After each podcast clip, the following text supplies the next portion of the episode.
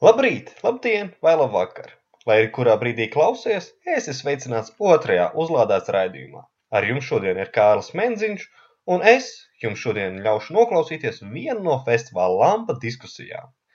Sarunu festivāls Lampa, kas norisinājās 28. un 29. jūnijā Cēsīs, pulcēja rekordlielu apmeklētāju skaitu. Vairāk nekā 20 tūkstoši cilvēku apmeklēja šo festivālu. Šis bijis arī saturiska un pasākumu skaita ziņā bagātākais festivāls Lampas vēsturē. Uz 38 skatuvēm savas domas izteica aptuveni 1500 runātāji, kopā sarunājoties te uz 720 stundas. Es, Kārls Menziņš, biju tikai uz vienu no šīm paneļu diskusijām, ko organizēja Varam iespēju teltī. Diskusijas nosaukums bija Latvija klimatneitrāla valsts – drosme vai nepieciešamība. Diskusiju organizēja un moderēja Varam klimata pārmaiņu departamenta direktore Ilze Prūsa, un arī piedalījās Dabas fonda klimata vēstnese Kristiāna Griķe, Ina Bērziņa Veita no Salaspils siltums, Pauls Beinarovičs no CSDD, piedodies izrunāju nepareizi, un Aleksejs Nipers no Latvijas lauksaimniecības universitātes.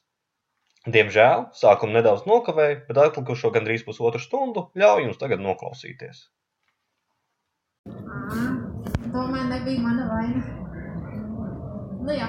Bet tā īsā īsumā, nu, vārds klimata neutralitāte, es pieņemu, nav, nav tas pats vienkāršākais, un kā jau arī sākumā secinājām, tomēr ne visi ir dzirdējuši. Un arī tie, kas ir dzirdējuši, visticamāk nav pilnīgi viensprāts, par ko tas nozīmē. Vienkāršā valodā sakot, klimata neutralitāte nozīmē situāciju, kad mēs ar savu dzīvesveidu, ar uh, mūsu saimniekošanu neatstājam negatīvu ietekmi uz klimatu. Bet, nu, ko tas nozīmē? Nu, kā tad mēs to varam izmērīt? Neatstājam vai atstājam to negatīvo ietekmi uz klimatu. Un tad tur tā mēraukla ir uh, siltnīca efekta gāzes. Uh, siltnīca efekta gāzes ir dažādi veidi. Vispopulārākā ir oglekļa dioksīds, bet diezgan daudz mēs sastopamies arī ar vairākām citām, tā skaitā metānu, slāpekļa, oksīdu un florētajām gāzēm. Un galvenais ir oglekļa dioksīds. Jā, tagad izdodas. Nu, lūk, un, lai mēs varētu runāt par klimatu neutralitāti, mums vajag panākt situāciju, ka šīs gāzes ir līdzsvarā. Mēs nelaižam vairāk šīs gāzes ārā, kā spējam tās savākt atpakaļ. Tā laišana ārā notiek caur dažādiem procesiem, kurus mēs radām. Teiksim, mēs kaut ko dedzinām, mēs pūdējam vecu pārtiku, piemēram. Ja? Mēs kaut ko darām, un tad šīs gāzes nāk ārā. Tas, kā mēs to varam savākt atpakaļ, nu, mēs varam pirmkārt nelaist ārā. Bet, nu, ja nu gadījumā mēs kaut kādu apsvērumu dēļ nevaram nelaist ārā un viena no tādām jomām ir lauksaimniecība, tad mēs varam savākt atpakaļ īstenībā tās gāzes. Un to mēs varam izdarīt fotosintēzes rezultātā ar augiem. Jo visi augi fotosintēzes rezultātā absorbē uh, oglekļa dioksīdu. Un jo lielāks augs, jo vairāk, protams, absorbē. Un arī tad, ja to ir par maz, ir iespējams risinājums, ir iespējams savākt šīs gāzes no gaisa un uzglabāt zem zemes, tāpatās kā mēs uzglabājam dabas gāzes zem zemes. Un tātad klimata neutralitāte nozīmē, ka mēs nelaižam ārā vairāk, kā spējam savākt atpakaļ. Nu, tā, tīri vienkārši. Um, bet kur ir āķis? Āķis ir tajā, ka tas viss, protams, nav vienkārši no vienas puses, bet no otras puses, ja mēs tā sākam domāt par to, kā to izdarīt, tad pārsvarā tas secinājums ir, ka mums ir jāoptimizē resursu izmantošana. Un ja mēs to darām, ja mēs optimizējam resursu izmantošanu, tad parasti mēs samazinot patēriņu, samazinām arī savas izmaksas. Un tas ir izdevīgi. To mēs vēlamies. Mēs vēlamies samazināt izmaksas. Un skatoties tālāk, dažreiz, lai nonāktu līdz tai optimizācijai un izmaksu samazināšanai, mums ir jāatrod jauni risinājumi. Jāatrod jaunas tehnoloģijas varbūt kaut kādi jauni procesi jāizdomā. Un tas savukārt ir pamats mūsu zinātnes attīstībai, mūsu uzņēmumu attīstībai un konkurētspējas uzlabošanai. Un to taču mēs arī vēlamies. Mēs vēlamies, lai mēs būtu konkurētspējīgāki, mēs vēlamies, lai mūsu labklājība augtu.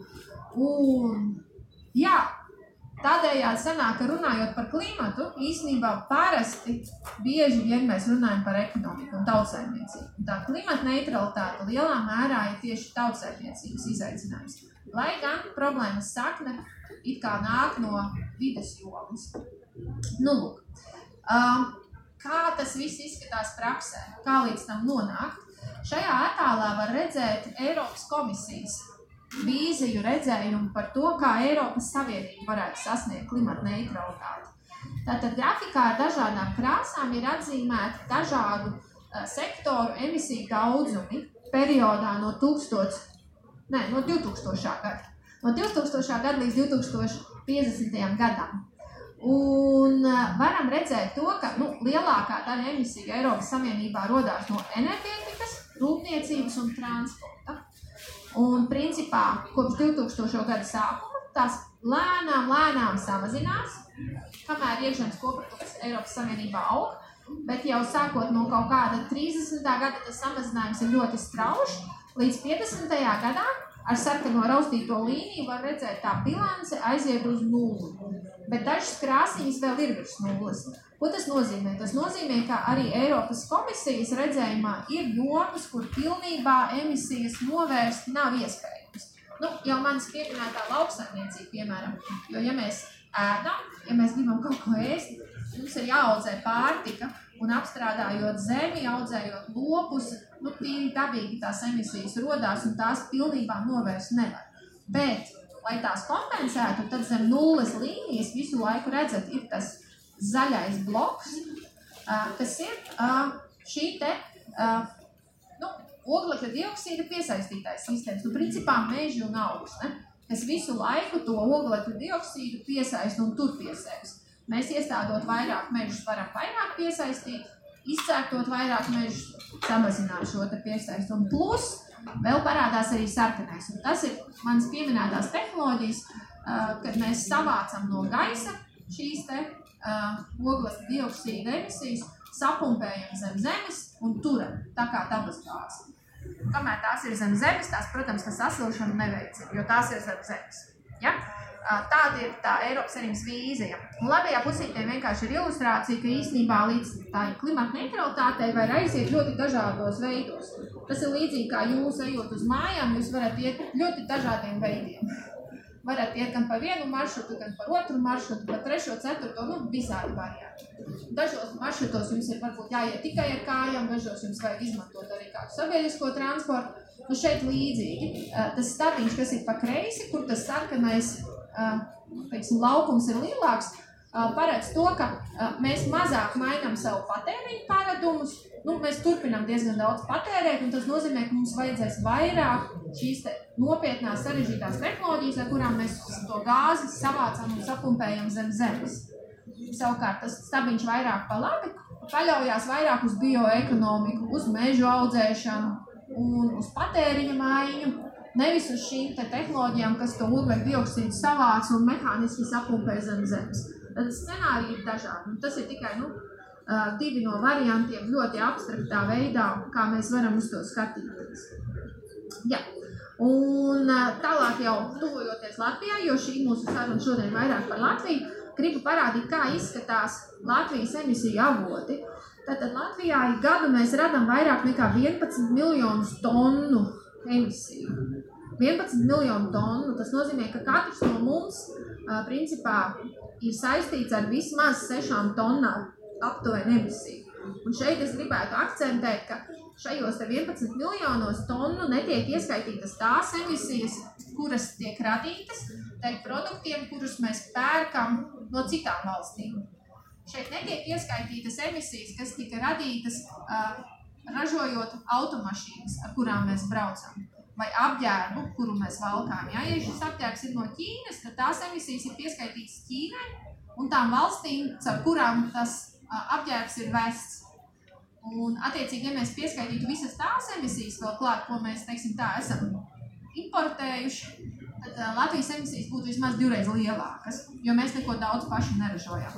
Tā kā, nu, situācija neizskatās diezko forša, un īstenībā tā mūsu atbildība ir vēl lielāka. Šīs ir tikai emisijas, kas ir Latvijā radītas, un tikai Latvijā radīto emisiju griezumā Tie galvenie avoti ir enerģētika, transports un lauksaimniecība. Diezgan, diezgan vienkārši. Un es domāju, ka nu, paši arī saprotam, ka, protams, ka enerģētika neražo dēļ sevis to enerģiju. Viņi ražo tāpēc, ka mēs patērējam, tāpēc, ka mēs patērējam elektrību, mēs patērējam siltumu, uzņēmumi patērē, lai ražotu preces, kuras mēs vēlamies iegādāties. Tas viss tā kā ir saistīts ar mums, lai gan nekur šeit varbūt tiešā veidā nav uzrakstīts Latvijas iedzīvotājs emisiju avots. Bet īstenībā visi šie te, sektori, kas rada emisijas, ir saistīti tiešā veidā ar mums.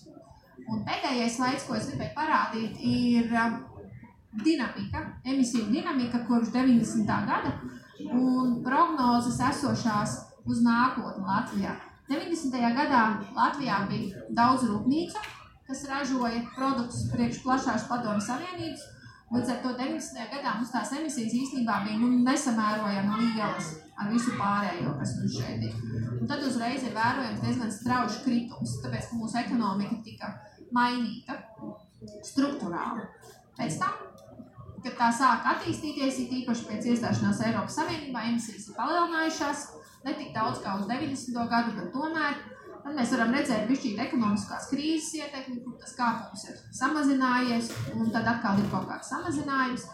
Un, principā, nu tā, skatoties uz 50. gadu ar esošajām politikām, kuras šobrīd ir identificētas, tās emisijas uz 50. gadu būs samazinājušās par 78% Latvijā. Tas īstenībā nav maz, tas ir tīri, tīri labs rādītājs, bet ar to pavisam noteikti nepietiek klimata neutralitātei. Jo, kā jau es teicu, tas nozīmē samazināt visu, kas ir samazināts, un to, ko nevaram samazināt, kompensēt ar oglekļa dioksīdu piesaisti. Nu, tā ir tā situācija, kāda mums ir uz šo brīdi. Un īstenībā tad ir jautājums, kādā veidā mēs ar šo visu uh, tagad tiekam galā. Šodien diskusijai mums virsraksts ir, vai klimata neutralitāte ir drosme vai nepieciešamība. Un tad es gribētu tagad pievērsties panelim, jautāt jums, nu, ņemot vērā visu, ko jūs zinat, jo es zinu, ka jūs zinat daudz un katrs savā griezumā, un arī ņemot vērā to, ko jūs dzirdējāt īsajā ievadā, kā jums šķiet klimata neutralitāte priekš Latvijas ir drosme vai nepieciešamība? Kurš gribētu būt pirmais? Es skatos, viņa ir gatava jau. Es uzskatu, ka tā ir, protams, nepieciešamība. Tā ir nepieciešamība, kurai nepieciešama drosme, lai, lai viņu varētu realizēt. Uh, man liekas, ka tas pirmais grūdienis bija ar visām tām prasībām, kad mēs iestājāmies Eiropas Savienībā un ar regulām visām, kas tika mums izvirzītas, lai mēs sasniegtu energoefektivitātes rādītājs kaut kāds no tad patēriņa. Bet ja mēs runājam par to, ka arvien vairāk šobrīd runā visādās konferencēs, ka enerģētika ir um, ne tikai neitrāla, bet vispār bez, ne tikai nededzinot fosilo kurināmo, bet vispār bezkurināmā enerģētika. Protams, tas ir liels izaicinājums, bet es domāju, ar katru dienu mēs varētu tam tuvoties. Mm.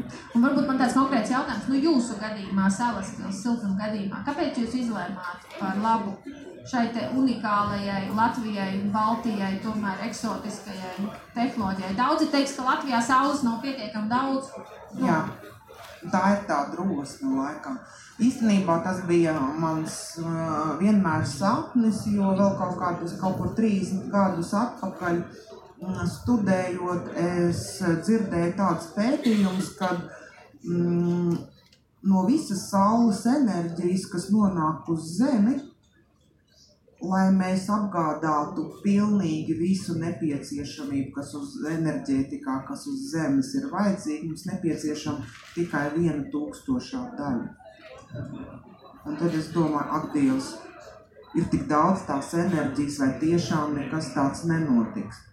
Tad bija mm, tāds, teiksim, naftas uzplaukums, un tā bija tā mm, melnais zelts, tik ļoti daudz par to runāju. Un bija skaidrs, ka mm, Tanī laikā, teiksim, auto industrija un tādas lietas noteikti bremzēs to. Un tā arī bija faktiski. Nu jā, tā tas sapnis viņš sevī tā dzīvoja, dzīvoja, kamēr es sāku pētīt, kas tad notiek, un viena no tām lietām, kāpēc es tā izdomāju, taču kā mēs laukos kādreiz mm, vasaras mājās mazgājāmies. Mums bija tāda melna muca, vai ne?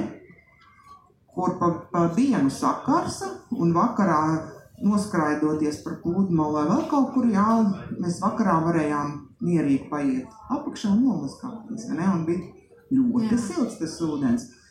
Es domāju, hmm, un strādājot siltumapgādē, karstais ūdens ir tas, kas transportē enerģiju. Es domāju, nu, vajadzētu.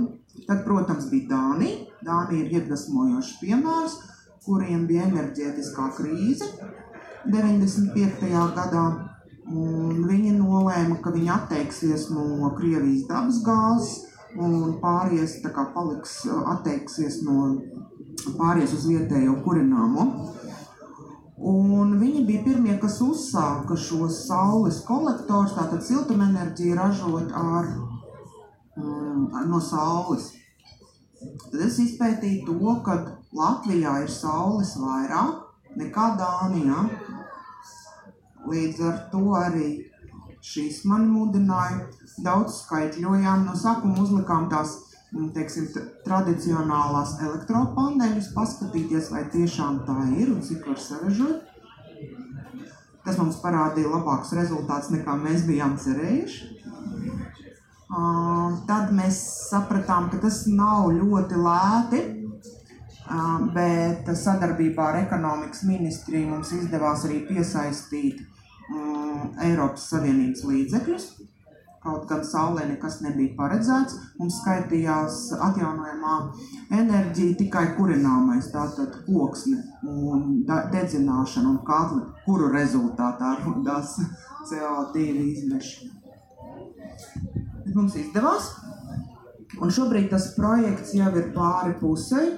Vēl šodien es priecājos, ka trešdaļa no 6,5 hektāru kolektoru lauku ir salikti, ka viņi izskatās kā ezers, un ka saule uzspīd.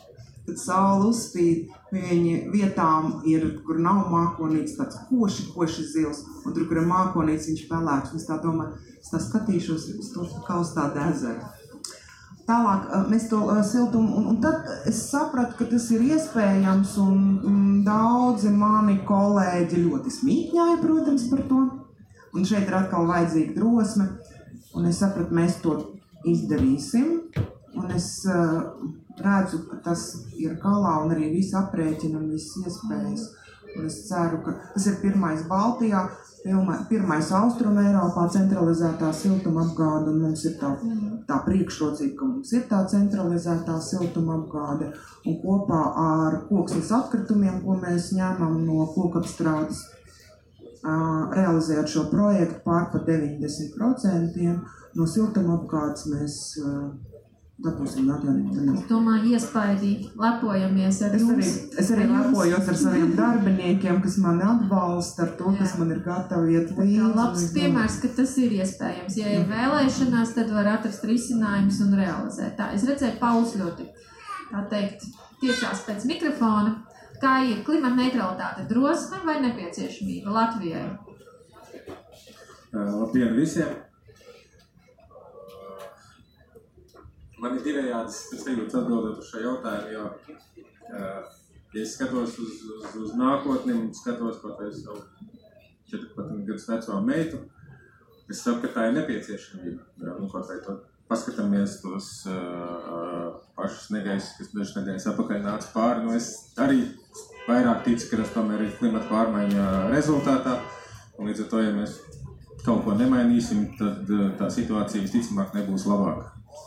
Kāpēc es piesaucu meitu? Tāpēc, kad mēs neesam ģimene, kas dzīvo un, un seko līdzi intensīvi otrreizēji pārstrādēji, tad, nu, iepakojumiem un tā tālāk.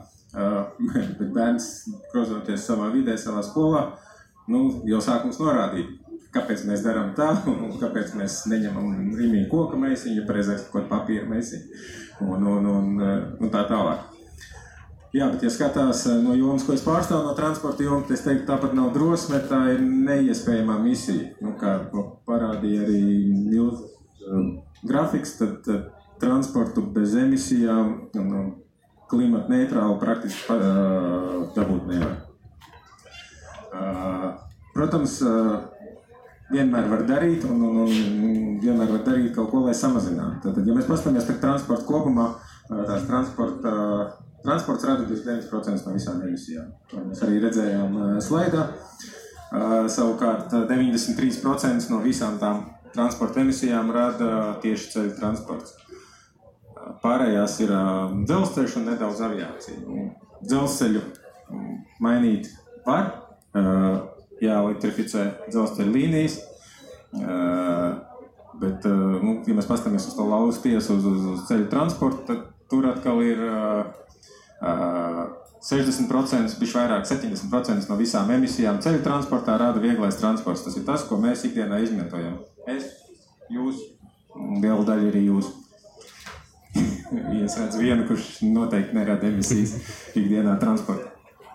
Nu jā, un, un, un, un, un tā ir tā lieta, ko uh, valsts ir sākusi darīt, un kas ir mums uzticēts, tad, tad uh, veicināt elektromobilitātes attīstību Latvijā. Un tad elektromobilitāte uh, šobrīd visintensīvāk attīstās, un arī autoražotāji nu, visintensīvāk viņu strādā tieši vieglā transporta sektorā. Un, un, un tad CSDD šobrīd ir Satiksmes ministrijas uzdevumā izveidojusi ātrās uzlādes stāciju tīklu pirmo daļu, un, un, un šobrīd ir izveidotas 70 pāri uzlādes stācijas uz Latvijas galvenajiem ceļiem. Principā tāds pārklājums, kas ļauj mums gan arī aizbraukt uz jebkuru vietu Latvijā. Kāpēc mēs sākām varbūt ar uzlādes staciju tīklu? Jo elektromobilitāte nu, ir tas mūžīgi neatbildētais jautājums. Es domāju, ka liela daļa no jums dzirdējuši tas pats, kas ir pirmais vista vai ola. Jo, jo uh, elektromobīļu potenciālajie lietotāji viņus nepērk, tāpēc, ka nav kur uzlādēt. Savukārt uh, uzlādes stacijas netiek liktas, jo nav kaut kas lādēt. Nu, tad, tad šobrīd uh, ir izveidots tīkls. Tas nākošais solis, uh, ko mēs paredzam, kas sekos nākotnē, tad tas būs uh, vēl lielāks atbalsts elektromobīļu tieši iegādes uh, vai izmantošanas veicināšanai. Šobrīd jau ir virkne valsts līmeņa pasākumu, kas uh, kā, padara elektromobīļu izmantošanu lētāku vai, vai izdevīgāku nekā fosīlo transportu. Bet, nu, ja mēs sarēķinām tad, ciparos, nevis, nevis nu, skaļos vārdos, nu, tad tas iegūms nav tāds vērā ņemams, nu, kāds, piemēram, ir Norvēģijā, ja pērkot elektromobīlī, tā ir gandrīz puse no uh, fosilā transporta līdzekļu vērtības. Nu, mums tas iegūms ir pārsvarā nodokļu veidā. Bet nu, katrā gadījumā, jā, cik es zinu, tad tā politika nākotnē varētu iet, kad uh, veicināt radīt stimulus elektromobīļu izmantošanai, tas varētu būt gan nodokļu veidā, gan iespējams arī tiešā atbalsta veidā. Nu, tad, es saprotu, īsā īsumā nepieciešama, bet līdz galam vēl nezinām, kā. Uh, Nē. jā, Īsais apgalvojums. Labi, tā. Es redzēju, ka Aleksējs vienā brīdī tev nepiekrīta. Tad, kad tu teici šķiet par to, ka transportā nevar. Aleksej, kā izskatās no, no, no, no tava skatu punkta? Tu pārzini vairāk to lauksaimniecību, bioekonomiku, to jomu. Kā ir drosme vai nepieciešamība? Un ko tu par to transportu saki? Mēs lasām Latviju klimata neitrālu valsts drosmi vai nepieciešamību. Kopš 90. gada Latvija samazināja emisijas par gandrīz 60%. Par gandrīz 60% samazināja Latvijas emisijas. Pasaulē emisijas palielinājās par vairāk kā 60%. Ja Latvija kļūs neitrāla, klimata neitrāla valsts, pasaules mērogā nekas nemainīsies. Mums nepieciešams, lai visa pasaulē kļūst klimata neitrāla. Mēs atsevišķi esam pārāk maziņi, lai ietekmētu kā ilgi. Tāpēc es teiktu, ka Latvija ne visa pasaulē, jā. Drosme. Ja cilvēks lec no vanšu tilta, viņš ir drosmīgs. Noteikti ir. Bet, bet, bet nākamais jautājums ir, ko cilvēks uzdod, vai viņš ir idiots vai pašnāvnieks. Līdz ar to, ja mēs kaut ko darām drosmīgi, tam ir jābūt arī ar prātu. Jā, tas šķiet, ka nav. Uh, ja mēs skatāmies vēsturiski, ko mēs esam izdarījuši, mēs noteikti varam darīt lietas labāk. Mēs, cik mēs invest, esam investējuši atjaunojumus, biodegvielas vai visas tās investīcijas ir atgriežušās atpakaļ. OIKS droši vien daudz ir dzirdējuši. Līdz ar to mums ir nepieciešams virzīties uz priekšu, visi tie veiksmes stāsti mums vajag izmantot, mums vajag virzīties uz priekšu, bet tam ir jābūt ar prātu. Tas, kas nākamais ir Mēs tagad diskutējam, jūs sākāt to diskusiju, ka transportu nevar samazināt. Ja mēs paši nemainamies no statistikas, visa Eiropas Savienībā pēc dzinēja lieluma Latvija ir otrā aiz Igaunijas. Mēs izmantojam vislielākas mašīnas Eiropā aiz Igaunijas, gandrīz viena līmenī. Ja mēs tagad brauksim ar tādām pašām milzīgām mašīnām, bet elektromobīļiem, kur, lai saražotu elektroenerģiju, 45% vienalga ir fosilie, pat vairāk papadot, tad vai tas ir izcinājums? Varbūt mums vajag paskatīties, sākt skatīties savādāk. Nevis, ka mēs darām to pašu, bet aizvietojam elektroenerģiju, vai mums ir nepieciešamas tik liels mašīnas, lai ar Landroveriem pārvietoties no kurciema līdz centram, līdz jūglī. Ekstremāli gadījumi tiek piesaukti. Es neteiktu ekstremāli. Diezgan normāla praksa. Varbūt mums, mums nepieciešams skatīties nevis uz elektromobīļiem, bet vairāk uz elektroskuteriem Rīgā. Varbūt tas ir risinājums. Paliks siltāks, būs jau reālāk. Ielaižam bišķi vēl klimata pārmaiņas. Nē, nē, nē, nē. Nu, tur, tur, tur citas valstis no kartes jau pazūd. Man liekas, tas ir pārāk dramatiski dēļ skūteriem Latvijā. Tā riskēt. Tur, tur bija saruna, šodien bija saruna par velo mobilitāti. Somija pēc vēl, tur bija iesaukts statistiski Somija pēc velo mobilitātes ir ceturtā Eiropā. Un tur ir silts. Nu, nav siltākā pie mums. Ar to tas lielā mērā, ja mēs gribam kaut ko mainīt, attiecībā uz klimatu, tad tas, kam ir jāmainās, ir jāmainās mūsu domāšanai. Ja mēs nemainām domāšanu, kā mēs darām, ko mēs darām, ja mēs vienkārši tagad neražojam šeit un samazinām emisijas Latvijā, bet to importējam, ko ķīnieši saražo, mēs dzīvojam vienā pasaulē. Tad tur veidosies emisijas no tā visas novas. Labi, man liekas, ka īstais laiks dot vārdu Kristiānai, cilvēkam parastajam, kā viņa pati teica, tad drosme vai nepieciešamība un bija šī tas domāšanas un, un cilvēka parastā aspekts. Kā izskatās? Jā, sveiki. Um, man vispār ieraugot virsrakstu šķita jocīgi, ka starp drosmi un uh, nepieciešamību ir vārds vai. Jo man, man tas nav nemaz jautājums. Tas tā ir absolūti nepieciešamība. Viņa bija jau nepieciešamība sen, pirms es piedzimu, bet tad trūka drosmes drosmi es redzu, ka rodās. Jā, tas piemērs ar Salaspils enerģētiku, kas ir industriju galvas, kas tiešām pieņem radikālus lēmumus, ignorē, uh, ignorē pretparu, kas ir iesēdējušies varbūt vecā viedoklī un tiešām baidās spērt kāju ārā nezināmajām. Es aicinu cilvēkus darīt vairāk, to tieši iet nezināmajā, iet jaunajā. Un uh, es ļoti piekrītu visam gandrīz šeit izteiktajam jau. Uh, un Aleksais teica ļoti labi, ka ir uh, svarīgi, ko mēs paši darām. Un tas ir tieši tas pats, ko es domāju. Jo mēs kā civilizācija, es jau domāju arī globāli, es domāju par cilvēku kā cilvēku sugu vispār, kur mēs brāļi un māsas esam uz vienā vietā.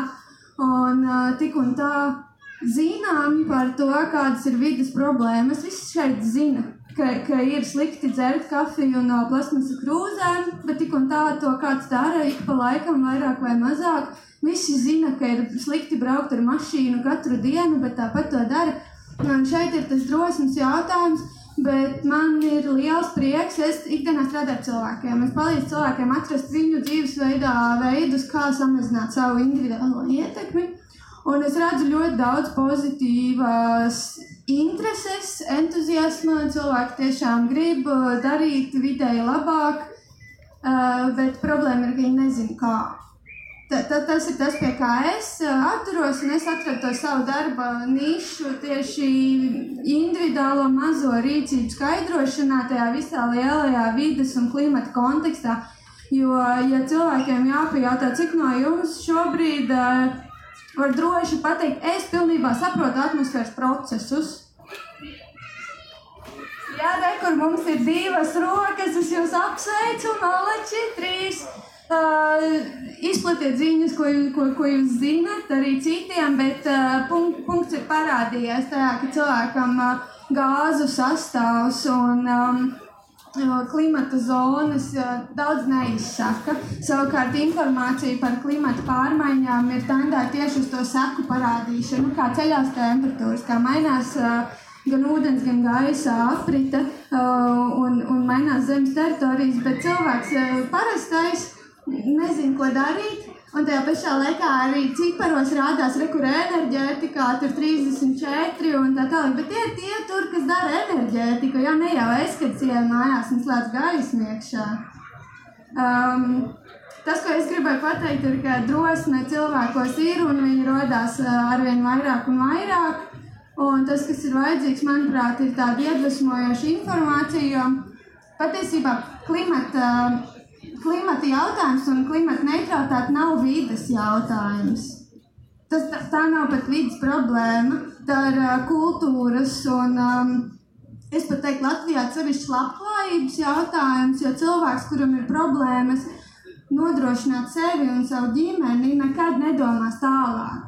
Tikai tad, tikai tad, kad mums ir iekšā tas, kas mums ir nepieciešams, tad, kad mēs esam pāduši siltumā, apģērbušies un apmierinājuši kaut kādas savas garīgās vajadzības, Tikai tad mūsos iekšā ir resursi domāt par kaut ko vairāk. Un tas ir dziļs kultūras jautājums, jo mēs esam pieraduši apmierināt savas vajadzības uz zemes rēķina. Um, es gribu šajā momentā vērst jūsu uzmanību. Es nezinu, cik no jums pamanīja, ka tur ir atkritumu vilnis. Ir kāds, kas pamanīja tur atkritumu vilni? Um, es viņu uztaisīju, un es viņu tur noliku, lai parādītu, ka nav tāda lieta kā melnais caurums, jo mēs esam atzīsimies visi, jā, esam pieraduši nopirkt lietas, tāpēc, ka man gribās, man vajag, un nevienmēr tiek izšķirt šī atšķirība starp to, ko gribās un ko vajag, un tur viss tiek salādēts melnajā caurumā, un uh, man liekas, ka tas viss pazūd, taču tāds nav, un uh, tas kalpo par lielisku piemēru, ka mēs visi tomēr kaut ko nopērkam, un tas mūsu vēlmes kultūrāli jau dziļi sabiedrībā ir iegājies, ka mūsu vēlmes ir svarīgākas un ka mēs izmantojam dabu, nevis esam viena sastāvdaļa no dabas. Jā, paldies, Lās. Man liekas, daudz viedu vārdi, kas liek aizdomāties un pārdomāt. Es ceru, ka liek aizdomāties, un īstenībā daudzas lietas no tām, ko mēs darām vai nedarām, nu, nav gluži normāls. Mēs varētu diezgan vienkārši mainīties un uzlabot to situāciju. Uzliekam nākamo jautājumu, bet tikmēr priekš panelistiem jums es. Nezinu, cik daudz no jums ir dzirdējuši, bet mūsu valdība pirms pāris nedēļām izmainīja kardināli savu domāšanu. Nu, līdz šim klimats nu, kaut kur tur bija. Nu, domājām, nedomājām, nu tā, nepārāk. Bet pirms pāris nedēļām valdība uh, nolēma, ka Latvija atbalsta šo klimatu neutralitāti. Tā ir oficiālā mūsu Latvijas valsts nostāja šobrīd. Un uh, mūsu premjerministrs uh, uzņēmās tādu līderu lomu kopā ar uh, varam ministru Juri Kulci un paziņoja, ka tā klimata neutralitāte tā ir iespēja mūsu tautsēmniecībai augt un attīstīties. Ja? Tieši tādiem arī vārdiem. Nebija tas arguments, glābsim pasauli. Nē, kā jau Aleksis teica, mēs Latvijā pasauli neizglābsim. Nu, pasaulē tās klimata pārmaiņas ir globālas un, un tā problēma ir milzīga. Protams, ka visām valstīm tiesa gan ir jāsniedz savu ārtevu, jo, nu, ja visas valstis domās, ka mēs jau neko, tad beigās tiešām neviens neko un viss tā arī notiks. Bet eh, tas pamat arguments bija, ka mēs šeit saskatām iespēju attīstīties, jo nu, šīs te jaunās tehnoloģijas, jaunās darba vietas, izaugsme, konkurētspēja. Tas bija tas, dēļ kā mūsu valdība pievienojās uh, šim te klimata neutralitātes atbalstītāju pulkam un īstenībā bija pirmā no Austrum Eiropas, kas to tā teikt skaļi paziņoja un, un, un apstiprināja. Un tad ir jautājums, uh, kā to visu īstenot? Ar ko sākt un kā īstenot? Šajā gadījumā atbilde mēs nevaram nedara, jo mēs esam nolēmuši, ka mums tas der. Jā, mēs visu vēl nezinām, bet jā, sāki darīt. Tā, Aleksei. Jā. Varam. Un eh, kāds neapšaubāmi mēs visi saprotam, ka klimats mainās, cilvēks tam iemesls, vajag rīkoties, mums vajag rīkoties Latvijā, mums ir daudz iespēju, to vajag darīt. Bet ja mēs gribam kaut Gribam. ko ietekmēt Gribam. pasaules līmenī, tad mums nepieciešams cīnīties un, un, un meklēt risinājumus pasaules līmeņa piemērus. Šobrīd ir dažādas politikas, un dažādās politikās sāk regulēt, ko mēs Latvijā varam darīt ar, savam, ar saviem dabas resursiem. Uh, principā tiek regulēts, uh, ko mēs darām lauksaimniecībā, lauksaimniecības zemēm, uh, cik daudz mēs, nu, kā mēs nevaram baigi strauji paplašināties, kā mēs lietojam zemi, tiek regulēts, ko mēs darām ar mežu, ar vien vairāk būs ietekme to, ko ar citiem resursiem, ūdra un tā tālāk. Respektīvi, šobrīd e, nu, mēs esam parakstījušies, bet no ārpuses ir nosacījumi, kur e, nosaka, ko mēs darām ar mūsu dabas resursiem. Un tas ir arī citām valstīm. Bet ir viens dabas resurs, kur tu vari darīt, ko tu gribi, un pumpēt, cik tu gribi. Tā ir nafta. Nav jau gluži tā, ka cik grib, ko grib. Nu jā, OPEC valstis var nolemt, ka mēs pumpējam vairāk vai mazāk. Jā, tas nav tā kā e, katrs, ja, ja tu esi OPEC valstīs iekšā tajā konsorcijā vai kā karteli, tad jā, tev ir kaut kādas saistības. Bet principā viņi izdomāja, un ja mēs paskatīsimies, cik pasaulē ir, kā, kā, kā mainās emisijas, tur ir korelācija ar to, ko viņi ir nolēmuši. Viņi nosaka to, cik daudz un cik, Un, un tad pēc tam mēs domājam, cik un kādas tehnoloģijas, kā mēs noķersim to, to oglekli, iepumpēsim zemē. Daba to ir izdarījusi. Daba to ir izdarījusi. Tas naftas veidā ir iekšā Bet kā zemē. tas Latvijai palīdz, ka tā nafta tur ir, jo Latvijai tās naftas nav? Latvijai tas nav tā. Kāds mums labums no tā, ka Būtu viņi labi. to naftu? Būtu labi, ja ne tikai OPEC valstis, bet arī mēs, tā skaitā varbūt Eiropas Savienība, sākam regulēt, cik daudz naftas produktus mēs patērējam. Ka mums ir mērķi, mēs samazinām. Ka, ja kāds nesamazina, tad viņam ir problēmas ar tirzniecību, ar, tirzniecību ar Eiropas Savienību. Ka viņš nevar tik vienkārši. Okay, tad es saprotu, ka vajadzētu regulēt uh, energoresursu patēriņu. Mēs uz enerģētiku. Jā, un caur to arī, ek- e, caur to arī, ja kāds grib tirgoties ar Eiropu, tad viņam jādara līdzīgi kā Eiropa. Jā, labi. Nu, man šķiet, ka Eiropa īstenībā savos divpusējos līgumos šito punktu jau liek iekšā. Vismaz mēs esam redzējuši. Tā, kādi ir citi viedokļi? Kā Latvija var to sasniegt? Jo nu, izvēle ir izdarīta principā no valdības puses. Pateikts, ir, ka mēs to gribam, tagad ir jāizdomā, kā. Man tas viens pirmais, kad Aleksējs pateica par nepieciešamību vai drosmi, teica, pasauli jā, Latvija nē. Ā, Ko tas nozīmē? Jo es uzskatu, ka vienā, jebkurā lietā vienmēr jāsāk ir ar sevi. Ne? Jo tu vari augstprātīgi skatīties uz visu pasauli un teikt, kamēr jūs nemainīsieties, nekas nenotiks. Mēs varam būt augstprātīgi, jo mēs neizmantojam enerģētikā ogles, kā to dara Polija, Vācija, kur arī ir pievienojušies šai pašai programmai. Tā kā pirmais sākam ar sevi, otrais man ļoti, ļoti imponē. Domājam, ko darām.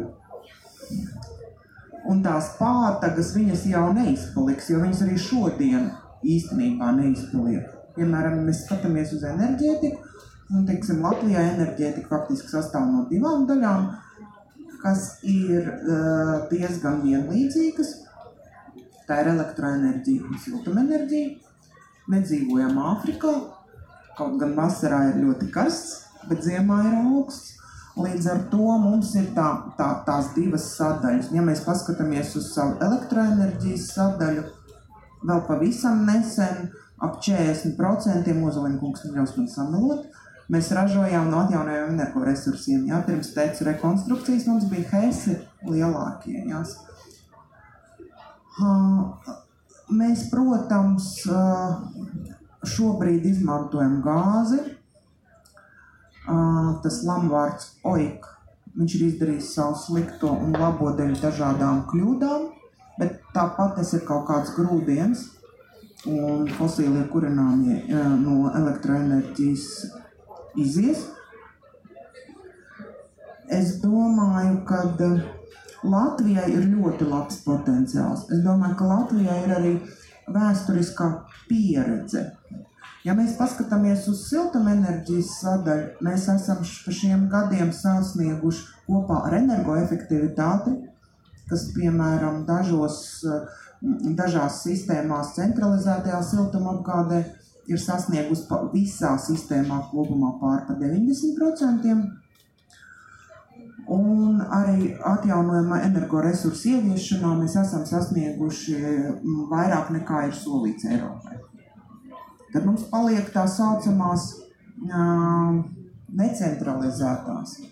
Tās ir krāsnes, un, protams, ka mēs no viņām nevarēsim atteikties, it īpaši tādās vietās, kur, kur nav blīvi apdzīvots.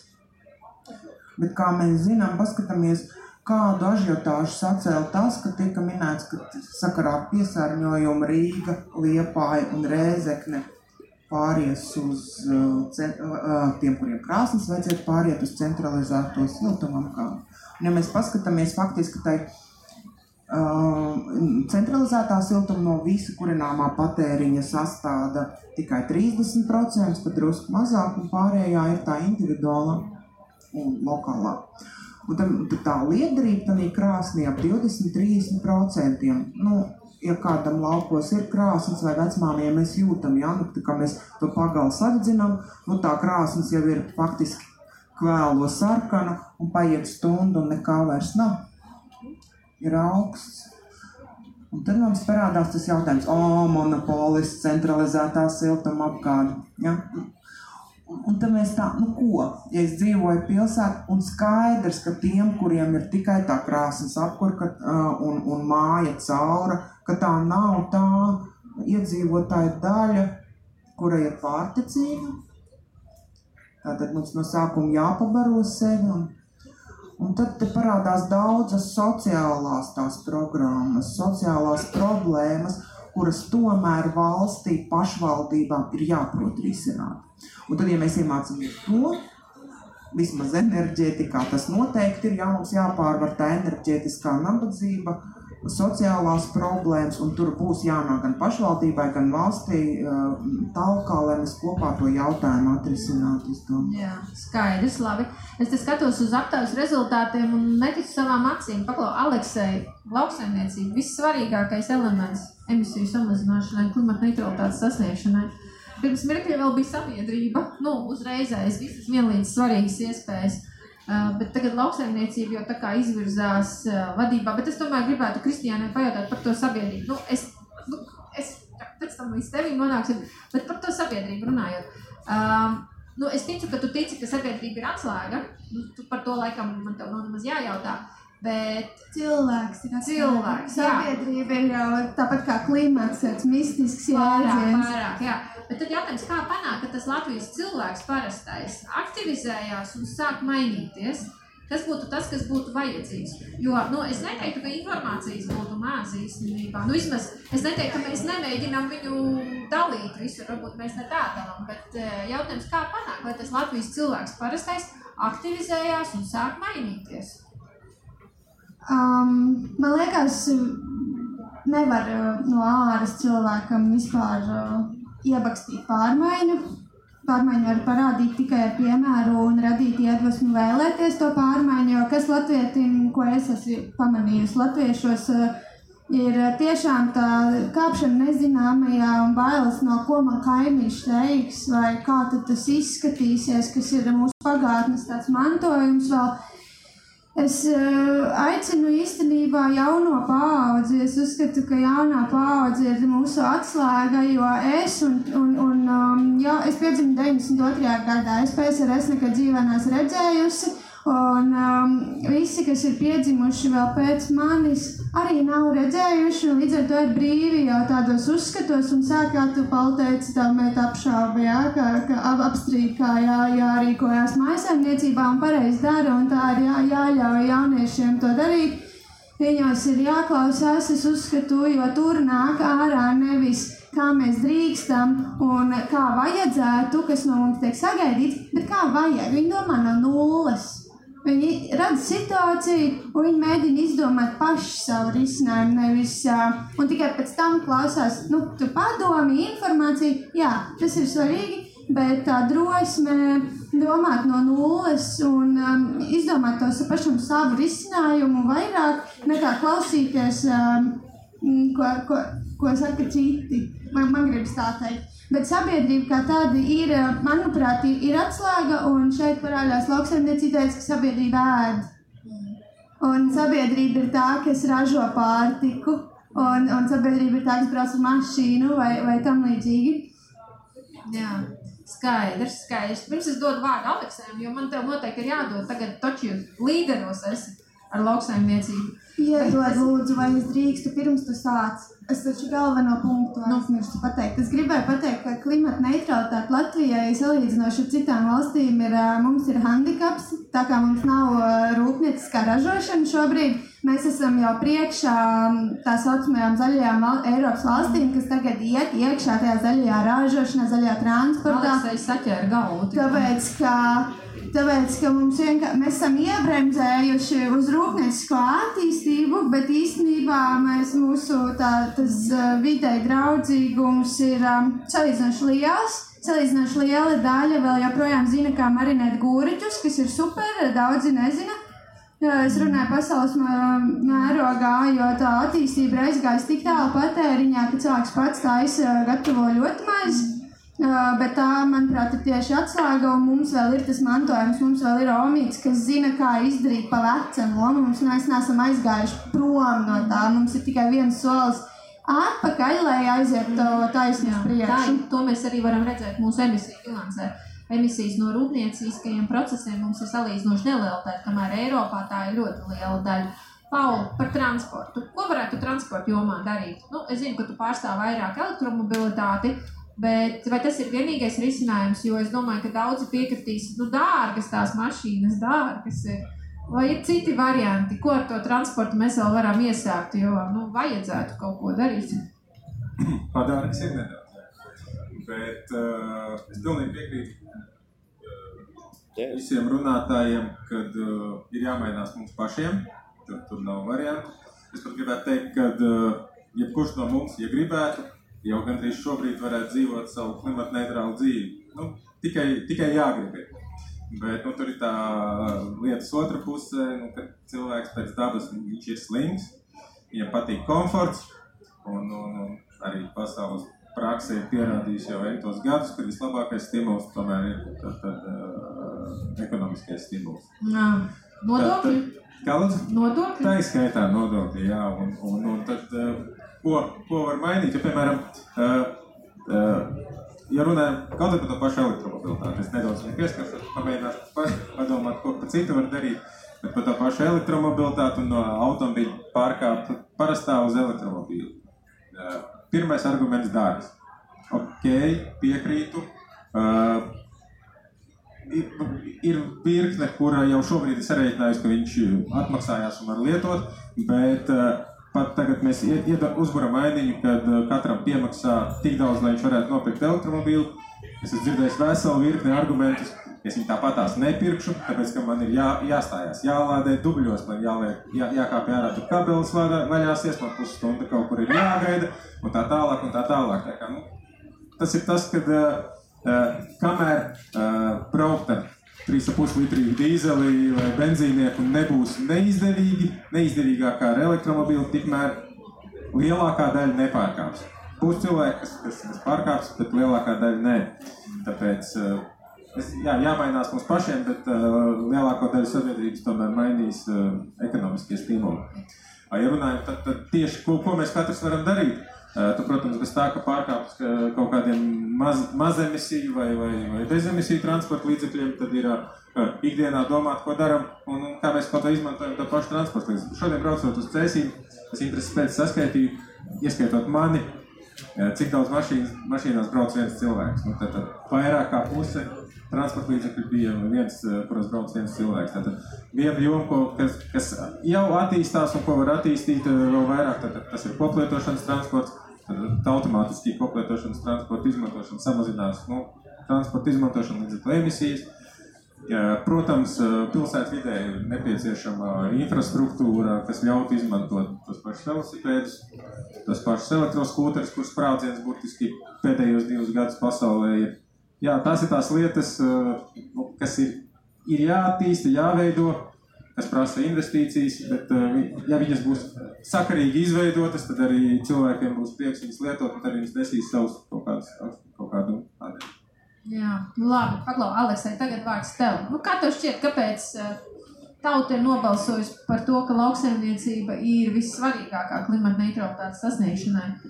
Un tad kā lauksaimniecība varētu sniegt savu artavu, lai panāktu to klimata neutralitāti? Jo man liekas, ka es arī sākumā teicu, ka tur noteikti ir grūti, un tu laikam pat nepieskāries, cik ļoti grūti tas viss ir.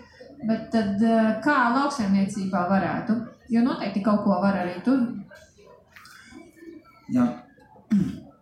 Pirmkārt, piezīme, es neteicu par to, ka Latvija nedrīkst nu, mums kopā ar pasauli.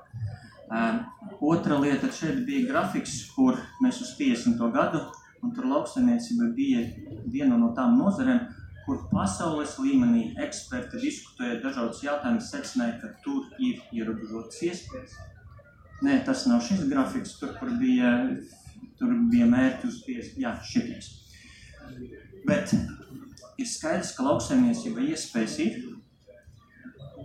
Mums vajag meklēt risinājumus, efektīvākus risinājumus, un tur arī ir risinājumi. Bet, Ar kāds piemērs no Latvijas? Es zinu, ka Latvija arī tiek domāts par risinājumiem, un šis tas tiek testēts un mēģināts. Būt kaut kā, lai mums pozitīvāks vakars, citādāk burgi rādīsies. Jā, efektīvā, nu, piemēram, tehnoloģija, efektīvāka mēslošana, tur, kur, tur, kur nevis mēs mēslo, mēslojam visu pēc kārtas, bet, bet izmantojam robotus, kuri mērķiecīgi mēslo tikai tur, kur ir augsts, nevis tā kā plaši. Tur ir virkne, virkne, virkne citu, citu iespēju. Bet tā pa lielam, ja mēs skatāmies lauksaimniecību, tad lauksaimniecība uz 90. gada ir panākt samazinājums par aptuveni pusi. Bet, nu labi, tie, kas ir nobalsojuši. Tev laikam samulsināju visi ar savu balsojumu, nebija gaidījis. Nē, nē, jautājums ir, kā mēs skatāmies lauksēniecību. Ja mums tā tendence ir, ka mums nepatīk, ka tur emitē, nu tad ierobežosim viņus, pamēģināsim viņu ierobežot, lai viņi neemitē tik daudz, lai viņi netaisa vaļā jaunas, jaunas ražotnes, lai ražo mazāk pienu, Bet no tā, ka mēs ražosim mazāk pienu, mēs nepatērēsim mazāk pienu. Ja mēs šobrīd ierobežosim, nu, teiksim tā, panāksim to efektīvākais veids, kā samazināt emisijas lauksaimniecībā, ir samazināt ražošanas apjomus. Ja mēs to nesaražosim, kāds cits ražos. Tas izaicinājums ir no mūsu skatu punkta ir patēriņam, jāmainās patēriņam, jāmainās to, ko mēs kā cilvēki patērējam. Lauksēmnieks, viņš rēģē uz to pieprasījumu, kas ir, un viņš saražo to produkciju, ko patērētājs pieprasa. Tāpēc viņu sodīt par to, ka viņš ražo to, ko patērētājs pieprasa, laikam tas nav efektīvākais veids. Um, man šķiet, ka tas, no kā mums jāskatās, jāskatās, no ko mēs ēdam paši, cik daudz mēs ēdam produkcijas, kas ir emisiju ietilpīga, piemēram, dzīvnieku izcelsmes produkcija. Um, un um, un neiet to vieglāko ceļu, sodīt lauksaimnieku tikai tāpēc, ka viņš dara to, ko patērētājs Es domāju, ka neviens nedomāja, ka vajag sodīt. Es domāju, vienkārši drīzāk gribēju uh, likt manīt, ka tur, lai gan varbūt liekas, ka neko nevar, arī vajadzētu atrast tos risinājumus. Nav šaubu. Bet, uh, jā, es varbūt šajā brīdī gribētu dot vārdu jums, jautājumiem, uh, komentāriem par dzirdēto. It īpaši, ja varētu kaut kur fokusējoties uz tiem risinājumiem. Tā, es redzu, tur ir jautājumi sakrājušies. Mēs varbūt kādus trīs paņemam uzreiz. Mikrofons, kur mums ir. Nav vairāk mikrofona. Var man palīdzēt, ar tev varbūt tās padot mikrofonu. Vai Jānis, jā, palīdz, lūdzu. Ah, nu tagad ir daudz mikrofonu. Ok, tad šim kungam lūdzu vispirms un tad pēc tam. Paldies! Jā. Tas gan aizraujoši diskusija. Es gribēju vienu tādu komentāru par to lauksaimniecību, kā reizi, kas ir visvairāk tos procentus savāds. Ka, manuprāt, ka te ļoti svarīgi, ļoti skaidri nodalīt uh, vairāk veidu tās lauksaimniecisko ražošanu. Proti, mēs runājam par ēdienu audzēšanu, tas varētu būt, piemēram, augu pārtika un dzīvnieku pārtika. Un, uh, Un šeit ir krāsa atšķirība, jo, teiksim, ANO izdala tieši lopkopību kā lielāko siltumnīca efektu gāzu avotu, proti, ka šī lopkopība, tieši dzīvnieku audzēšana, ir ļoti izšķērdīga un uh, iztērē resursus un uh, rada šo te gāzes uh, vairāk nekā visa transporta industrija kopā. Tas nozīmē, ka mums ir nevis jāatsakās no ēšanas vai no piena, piemēram, kas tika minēts, bet mēs varam pāriet no dzīvnieku piena uz augu pieniem. Mēs varam nekaitēt savai veselībai, atbilstoši tam, kā diētas ārsts iesaka, un ēst gaļu divreiz nedēļā, nevis katru dienu. Ja? Teiksim, mums nav jāatsakās no ēšanas, mums jāsaprot, ka mēs atsakāmies no tās lopkopības daļas un uh, pievēršamies vairāk augu ēšanai, un tas lauksaimniecības radītās emisijas stipri samazināts ar šādu slogu.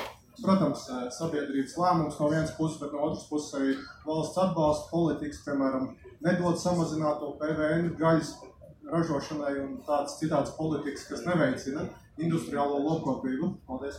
Paldies, Lās, par komentāru. Tad jūs Es arī gribētu, um, Eiropas Savienība uh, vismaz enerģētikā minējusi to, ka 2021. gadā uh, emisiju faktors priekš uh, jaunām uh, elektroenerģijas ražotnēm ir, ir 525 grami uh, CO2 uz kilovatstundu. Respektīvi, tas ir kaut kāds noteikts solis, kas ir paredzēts. Tas ir zem sašķidrinātās dabas gāzes. Šajā brīdī enerģētika ir tikai 9%, kas, manuprāt, ir, ir tas, manuprāt, tā lielākā nozara, kas uh, ietekmē visas no, no šīm lietām. Um, ir pētīts īrijā, kurā vairāki segmenti, vairākas industrijas tika pielīdzināts, cik viņas ir um, spējīgas pielāgoties um, pīķa slodzēm, respektīvi viņas mainīt uh, to, kurā brīdī tieši viņas darbojas. Vai tas būtu elektronikas uh, auto uzlādes, vai tā būtu lopkopībā, vai arī graudkopībā kaltes vai tam līdzīgi. Ka viņas šo pašu pīķa slodzi viņas maina uz šo pašu naktas laiku. Um, Protams, salīdzinot 17. gada, 18. gada, vai arī 18. gada, 19. gada, kad uh, Igaunijā aizslēdz ciet uh, divus reaktorus ar degslānekli, un tagad vairāk nav mums tik milzīgs pieplūdums ar, ar, ar, ar, ar ogļu dedzināšanu. Um, var, protams, teikt, jā, ka mums ir, mums ir uh, tīrāka ražošana, bet tajā pašā laikā mums pie, pa 15 principā, eiro um, pa megavatu augstāka elektroenerģijas cena. Tas, ka mēs 2050. gadā gri- gribam būt klimata neitrāli, vai jums katram ir tāda nojausma, cik varētu maksāt šī pati megawatu stunda ar elektroenerģiju? Jo mums tur ir infrastruktūra, es zinu to, ka um, Salaspilī ir, ir tagad akumulācijas sistēma priekš, priekš centralizētas siltumsistēmas, bet tas ir milzīgs investīcijas, kas ir vajadzīgs, lai varētu šo pašu klimatu neutralitāti nodrošināt. Un visam kalam vērtībai tomēr elektroenerģija. Vismaz... Jā, liekas, ka procentu pamaz tai enerģijai. Jā, noteikti. Viedoklis skaidrs, tā kam vēl ir mikrofons, ja kurš ir ticis.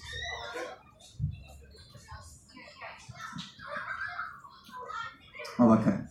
Um, es gribētu piekrist Aleksējam, ka tas uh, risinājums klimata pārmaiņām ir komplekss un Latvija viena tur uh, neko nevarēs izdarīt.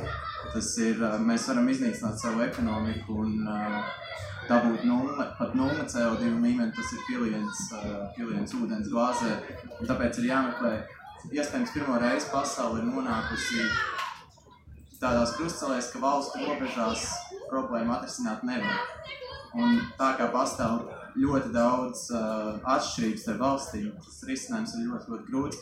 Tāpēc es uh, varbūt uh, piedāvāju no nozares, ko es pārstāvu, kas ir uh, aviācija, kur ir uh, šobrīd jau uh, starptautiskā civilās aviācijas organizācija ir vienojusies par to, kā visā pasaulē tiks uh, nozars robežās samazinātas vai tad piesaistīt šīs emisijas, šī korsija uh, schēma kas darbojas. Varbūt tas ir viens no, no risinājumiem, ka nozares visā pasaulē, vismaz starptautiskā līmenī, vienojās par kaut kādu kopēju darbību klimata pārmaiņu mazināšanu. Jā, labi.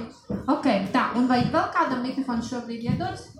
Ir labi, tad pēdējais jautājums, un tad es došu vārdu panelim. Es laikam neteikšu jautājumu, es vairāk teikšu tādu tā kā aicinājumu, um, visi tie piemēri un uh, argumenti par un pret, ko darīt un kā ir uh, lieliski.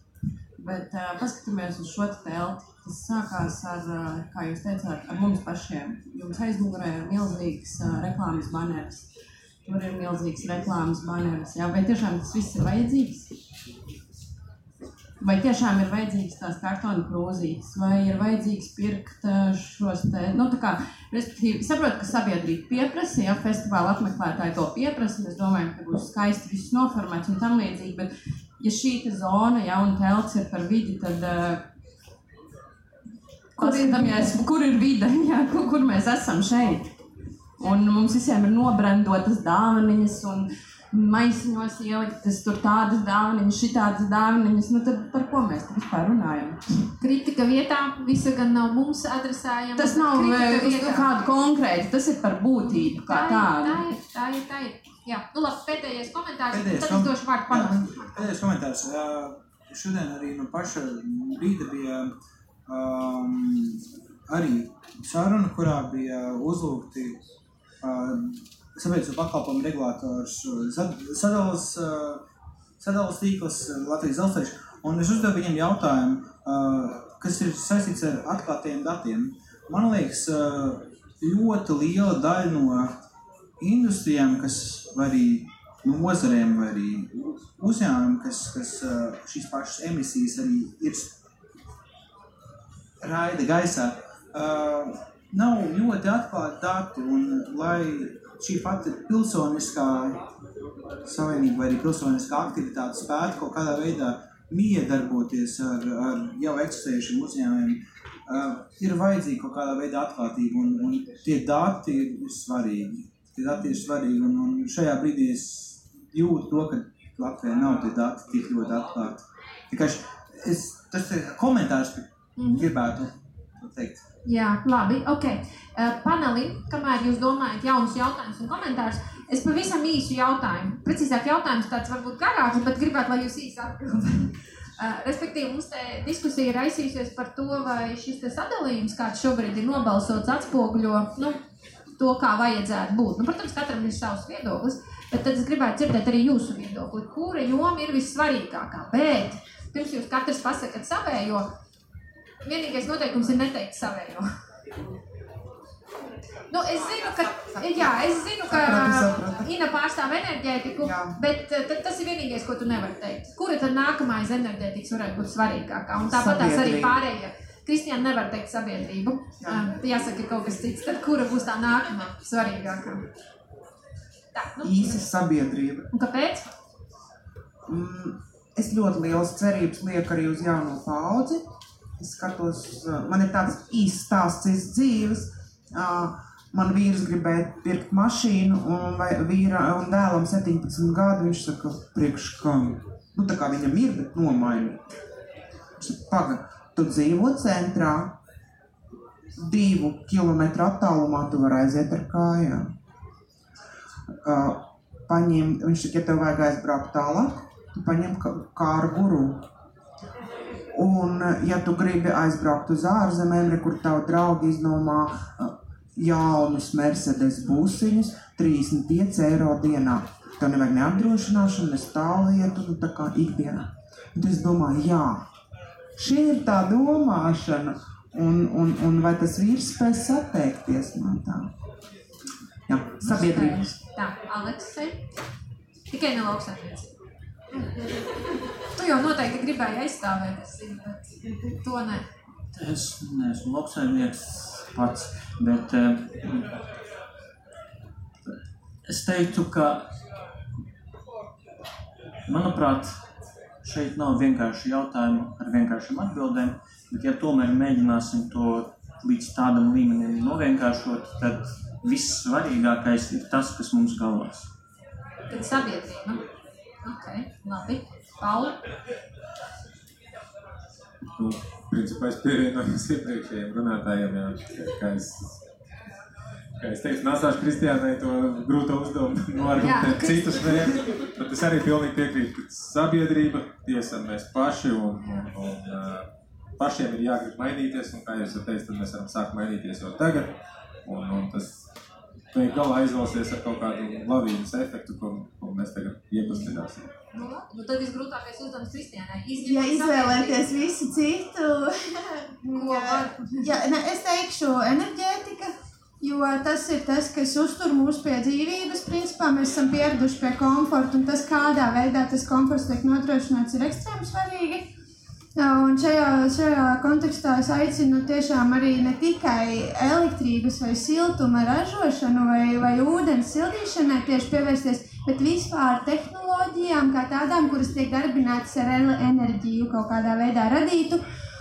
Uh, jā, man gribas aicināt cilvēkus būvēt tādas ēkas kā cēsu pili tagad, ar tiem resursiem, kas mums ir tagad, būvēt, būvēt lietas uh, 50 gadus, nevis ar eksploatācijas laiku 50 gadi. Tas laiks jau ir pagājis, mums vairs nav tik daudz laika, mums jānodrošinās ir tiešām. Varbūt es pārspīlēju, bet man tiešām vidas jautājumos man jau ir survival mode. Es redzu to tagad, jo tagad tās klimata pārmaiņas, ko mēs piedzīvojam, tad viņas radās pirms 30, un 50 un 100 gadiem. Un tikai tagad mēs redzam, kas notiek. Tagad, paskatoties to, kas nāk ārā pēc pustiņām no, tēciem, vai labi, tas ir sīks piemērs, bet vispār enerģētikā. Mēs tikai pēc 50 gadiem redzēsim, ko tas mums maksā šodien, un vai tiešām tā bija labākā izvēle, ko izdarīt. Taisīt tehnoloģijas telefonu, kas derēs arī jūsu bērniem. Nevis nākamajam, nu, līdz nākamajam gadam. Bet tas nav, nav vērts vienkārši tērēt to resursu. Tas ir tas, ko, ko jā, enerģētika un uh, tehnoloģijas noteikti desmit gadi ir īstermiņš tehnoloģijai. Jā. Vārds vietā tā, Aleksējam bija kāds komentārs. komentārs par citu, bet es šeit gribētu vairāk redzēt, ka mēs tomēr būvēt kaut ko izmantojam koka konstrukcijas, nu, nevis betona un tam līdzīgas, kas varbūt ilgmužīgāk kā konstrukcija, bet emisijas vienalga veidos krietni lielāks. Bet par sabiedrību šeit arī, manuprāt, ir svarīgi nevis, nevis kad mēs pasakām, ka sabiedrība nevis tā, ka nu, tagad katrs lai izdomā un kā, kā sanāks, kā būs, eh, kas nozīmē, ka nekas vispār nav. Sabiedrība šajā gadījumā, ka mēs esam spējīgi eh, definēt kaut kādus nosacījumus, eh, mainīt nodokļu politiku kā sabiedrība. Ne- Nevis tā, ka tikai katrs pats par sevi, bet arī vienojamies par kaut kādiem kopīgiem mērķiem un nosacījumiem. Ok, tātad vajag mērķiecīgi vadīt to sabiedrību. Labi, tad atkal vārds jums. Ja tur mikrofonu, tur vajag vairākus mikrofonus.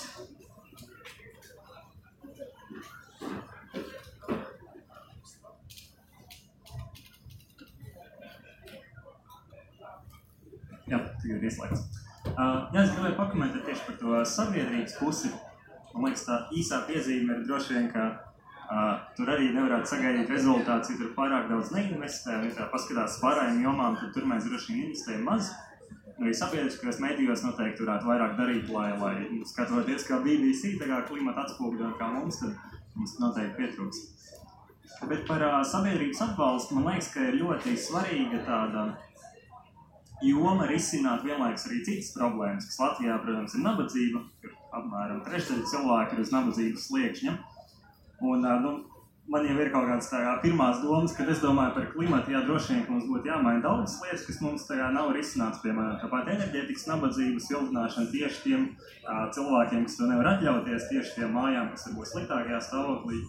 Un transportam arī, ka tas ir uh, sabiedriskais transports tādās lielās pilsētās kā Rīga un varbūt arī citās, kur vienkārši nav nepieciešami pēc mašīnas, nu, ko jau šeit runājām, un arī nu, citas lietas, kur mēs varam radīt darba vietas un citas. Un tāpēc es vienkārši domāju, ja mēs gribam uzlikt kā mērķi, kas man liekas ir svarīgi, ka risinot klimata pārmaiņas, mēs arī risinām nabadzību.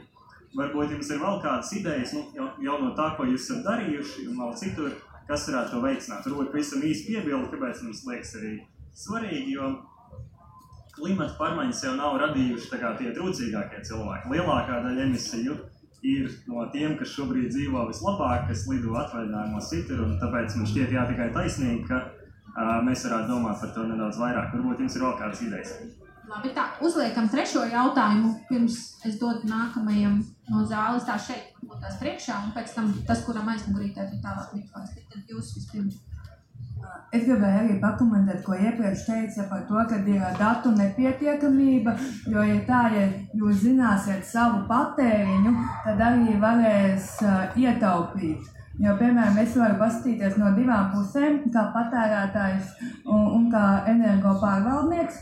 Piemēram, es savu elektrības rēķinu ar to, ka es zinu, kā es patērēju, samazināju no 10 eiro uz 6 eiro. Un uzņēmumos lielākos tas kontrole ir daudz svarīgāks, jo, piemēram, vidējā uzņēmumā, kur dienā var patērēt nu, 5 megavatus, vienā dienā var nepamanīt, ka lieki vienkārši nenostrādājot automātika ir 500 megawati, kas ir nu, kilovatstunda, nu, 10%. Tas ir tā kā normālai maisaimniecībai pa divi, trīs mēneši ir lielām. Tāpēc arī degviela, arī lauksaimniecība, degvielas uzskaite ir jāsāk arī kontrolēt, un arī tas ir sabiedrība, tas ieradums, jo pats trakākais ir, ka mēs nesakojam līdzi, vienkārši tērējam. Tad arī tie dati un tā daļa ir ļoti svarīga, lai mēs arī viņu analizējam. Ok, labi. Tā, uz aizmuguri vai varam padot mikrofonu? Tur bija roka gaisā bez mikrofona, jā. Padodam uz aizmuguri to mikrofonu. Labvakar, man sauc Lāsma. Paldies par aizraujošu diskusiju un arī par komentāriem no sabiedrības, kas šeit sanākuši ļoti inteliģenti un ar skatu nākotnē. Mans jautājums ir vairāk par uh, pielāgošanos klimata pārmaiņām. Un, um, es lūdzu komentēt uh, visu šeit panelī sēdošos, bet uh, konkrētāk Bērziņas kundzei Jūs runājāt tā daudz par centralizēto siltumu apgādi, bet zinot, ka vasaras mums paliek karstāks, šī vasara nebija izņēmums, gribēju pajautāt, vai Salaspīlī jau šobrīd ir plāns uh, centralizētai augstuma apgādē, un vai jums uh, ir arī zinām, ko cits pašvaldības par to runā un saka? Paldies! Labi, uh, pirms es dodu vārdu uh, panelistiem.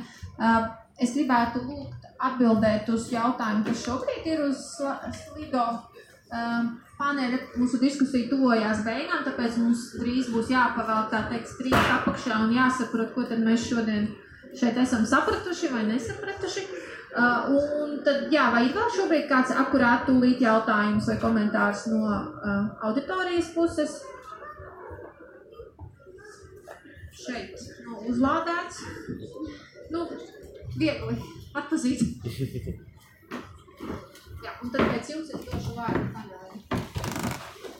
Jā, man vairāk jautājums ir nekā viedoklis vai kāds cits komentārs. Es gribētu zināt, kā jums liekas, kura jomu būtu visvieglāk ietekmēt īstermiņā? Teiksim, bija Norvēģijā piemērs, ka viņa transporta sektorā bija savu emisiju mērķis līdz 25 gadam sasniegt. Viņi to sasniedza pagājušajā gadā. Tā kā viņi uzlika 25 gadam ievērojami stingrākus mērķus. Un viņi savu mērķi sasniedza mainot nodokļus. Būtībā uzliekot milzīgus nodokļus, ja tu pēc jaunu iekšzemes dzinēju, un nulle nodokļus, ja tu pēc bezizmešu tehnoloģiju. Tātad būtībā jautājums, kura joma būtu visvieglāk ietekmēt, vismazāk sāpīgi īstermiņā? Mhm, labi. Un tad, eh, ja neviens neiebilst, es ceru, ka neiebildīs es šos jautājumus, ko jūs tagad uzdevāt, gribētu sadalīt uz panelistiem. Un tad Inai tas jautājums par pielāgošanos un enerģētiku, par datiem, ja tos redz, kā tas ietekmē Kristiānai, par visvieglāk ietekmējamo jomu, tad, nu, tā kā tur noteikti domas dalīsies Paulam un um, Aleksējam, ja? Tad uh, Ina. Te vairāk jautājumu. Es gribētu pateikt, ka atjaunojamās enerģētikas dārdzība ir mīts. Tehnoloģijas ļoti strauji krītās cenā. Un enerģētikā nekas ātri nevar atmaksāties, ja nav pārsubsidēts. Tātad atmaksāšanās periods vidējais enerģētikā 8 līdz 10 gadi.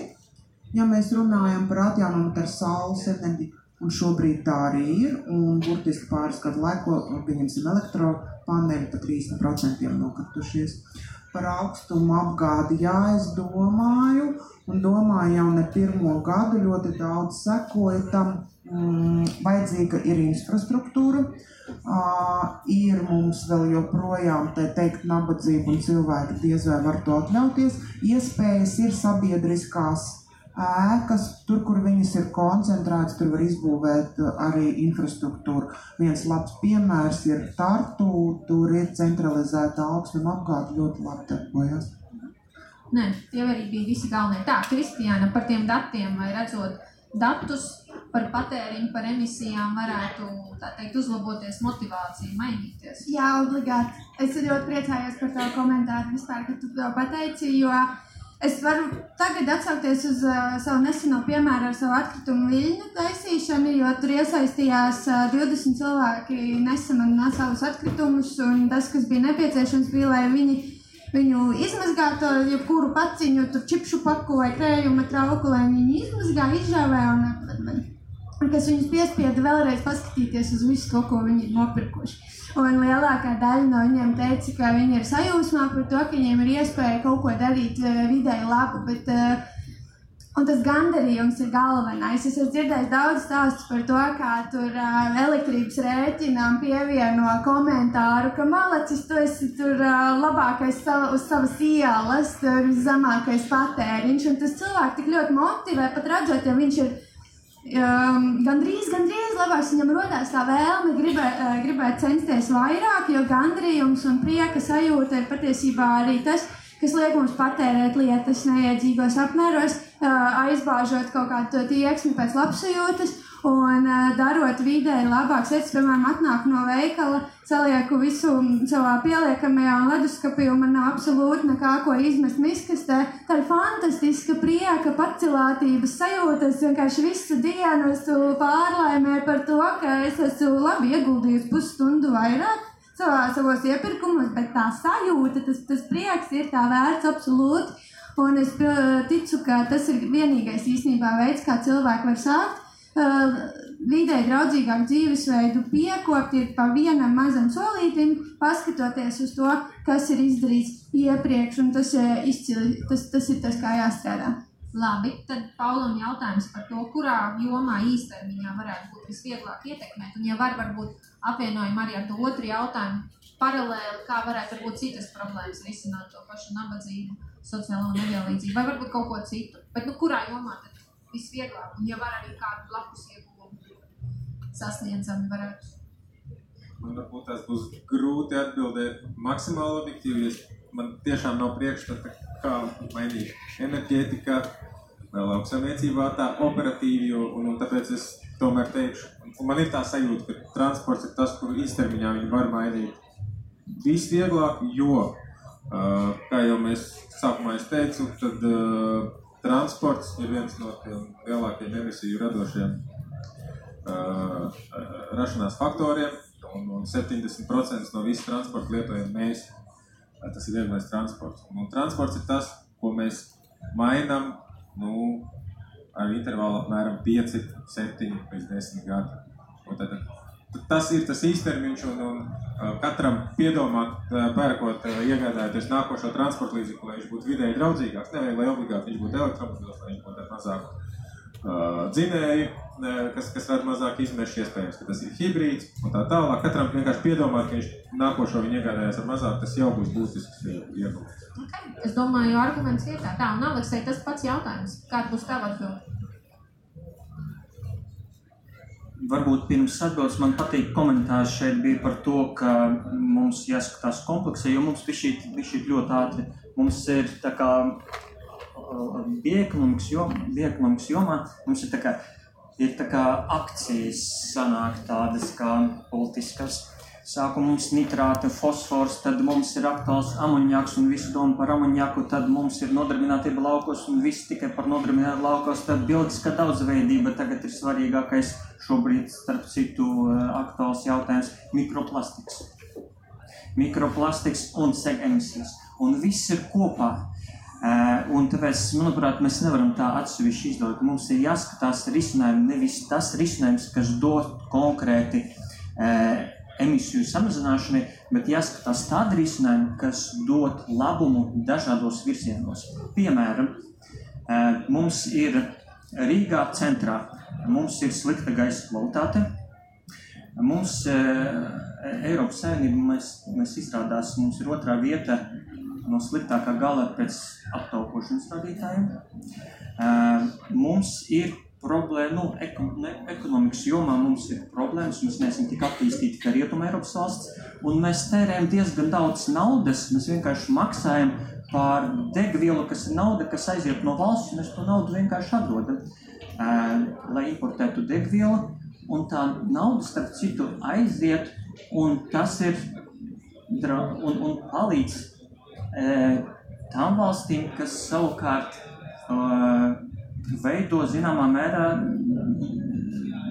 apdraudējumu no drošības skatu punkta, jo ar to naudu mēs finansējam atsevišķas valstis, kas savukārt atkal cīnās zināmā mērā pret, pret to, ko mēs darām.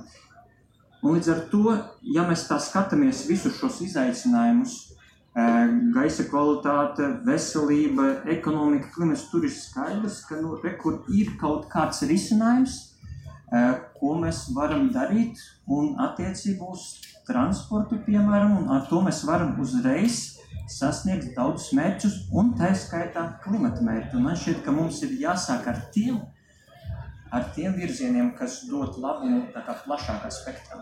Un kas vēl svarīgi,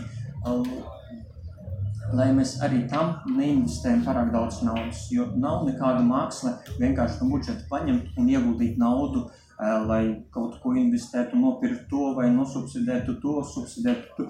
Bet man šķiet, ka mums kā valsts ir diezgan daudz izaicinājumu, kad es redzu, kad vārds līdzekļus bērnārstēšanai man šķiet, ka Nu, nu, on, man šķiet, ka tā ir absolūta prioritāte salīdzinot ar kaut kādām investīcijām, superpuper tehnoloģijas. Tāpēc mums ir svarīgi arī tā, lai mēs atrodam to naudu no kaut kādiem ārējiem resursiem, vai vēl labāk, lai, lai tas iedarbojas princips, ka tas, kas šobrīd piesaņem, tas ir maksā. Labi.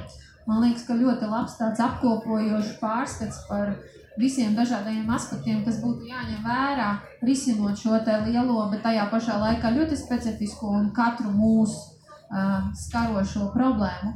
Un tad nu, pats, pats šodien pēdējais jautājums. Vai Latvijā būtu iespējams līdz 50. gadam sasniegt klimata neutralitāti? Īsa atbilde no katra no jums. Jā, varbūt, nē, vai arī nezinu. Un man īstenībā prieks, ka neviens no balsojošiem nav atbildējis. Nezinu, tas ir, tas ir labs rādītājs. Tā tad Kristiāna pirmā. Es dziļi ticu, ka jā. Jo es redzu pārmaiņas jau ļoti daudzos cilvēkos, un arī ne tikai jauniešos, bet arī vecāku gadu gājumu cilvēkos, kur tiešām apzinās, ka, oh, šitā kā mēs visu laiku dzīvojam, kaut kā nevar tā darīt. Jā, ir jāizdomā kaut kas jauns, un cilvēki ir atvērti.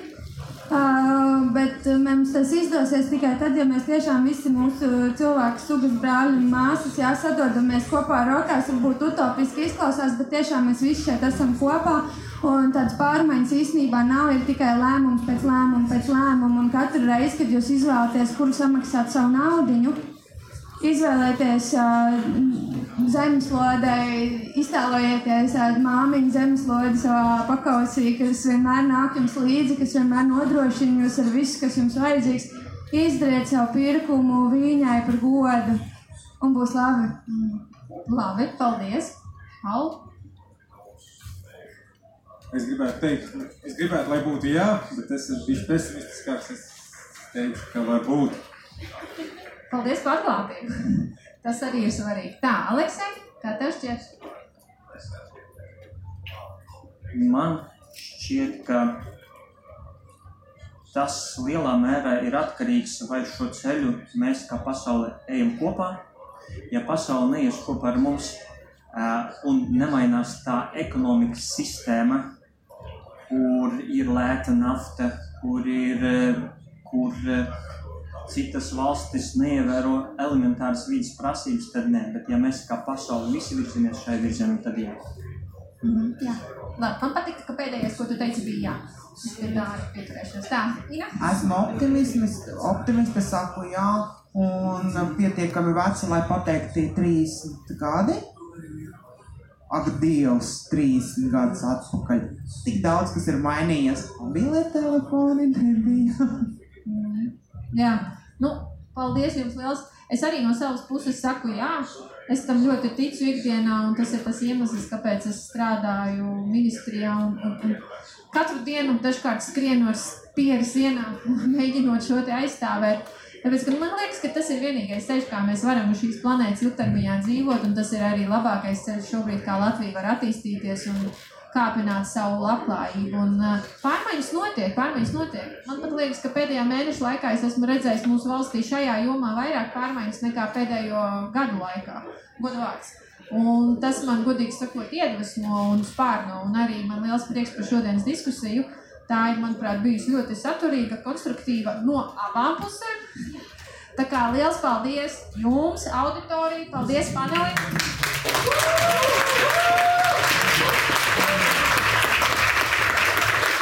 Kā Paldies tiešām, un tad nu, ceram, ka šodienas saruna iedvesmos jūs kaut vai uz vienu apņemšanos par labu klimata neutralitātei. Vienu mazu lietiņu, Jā.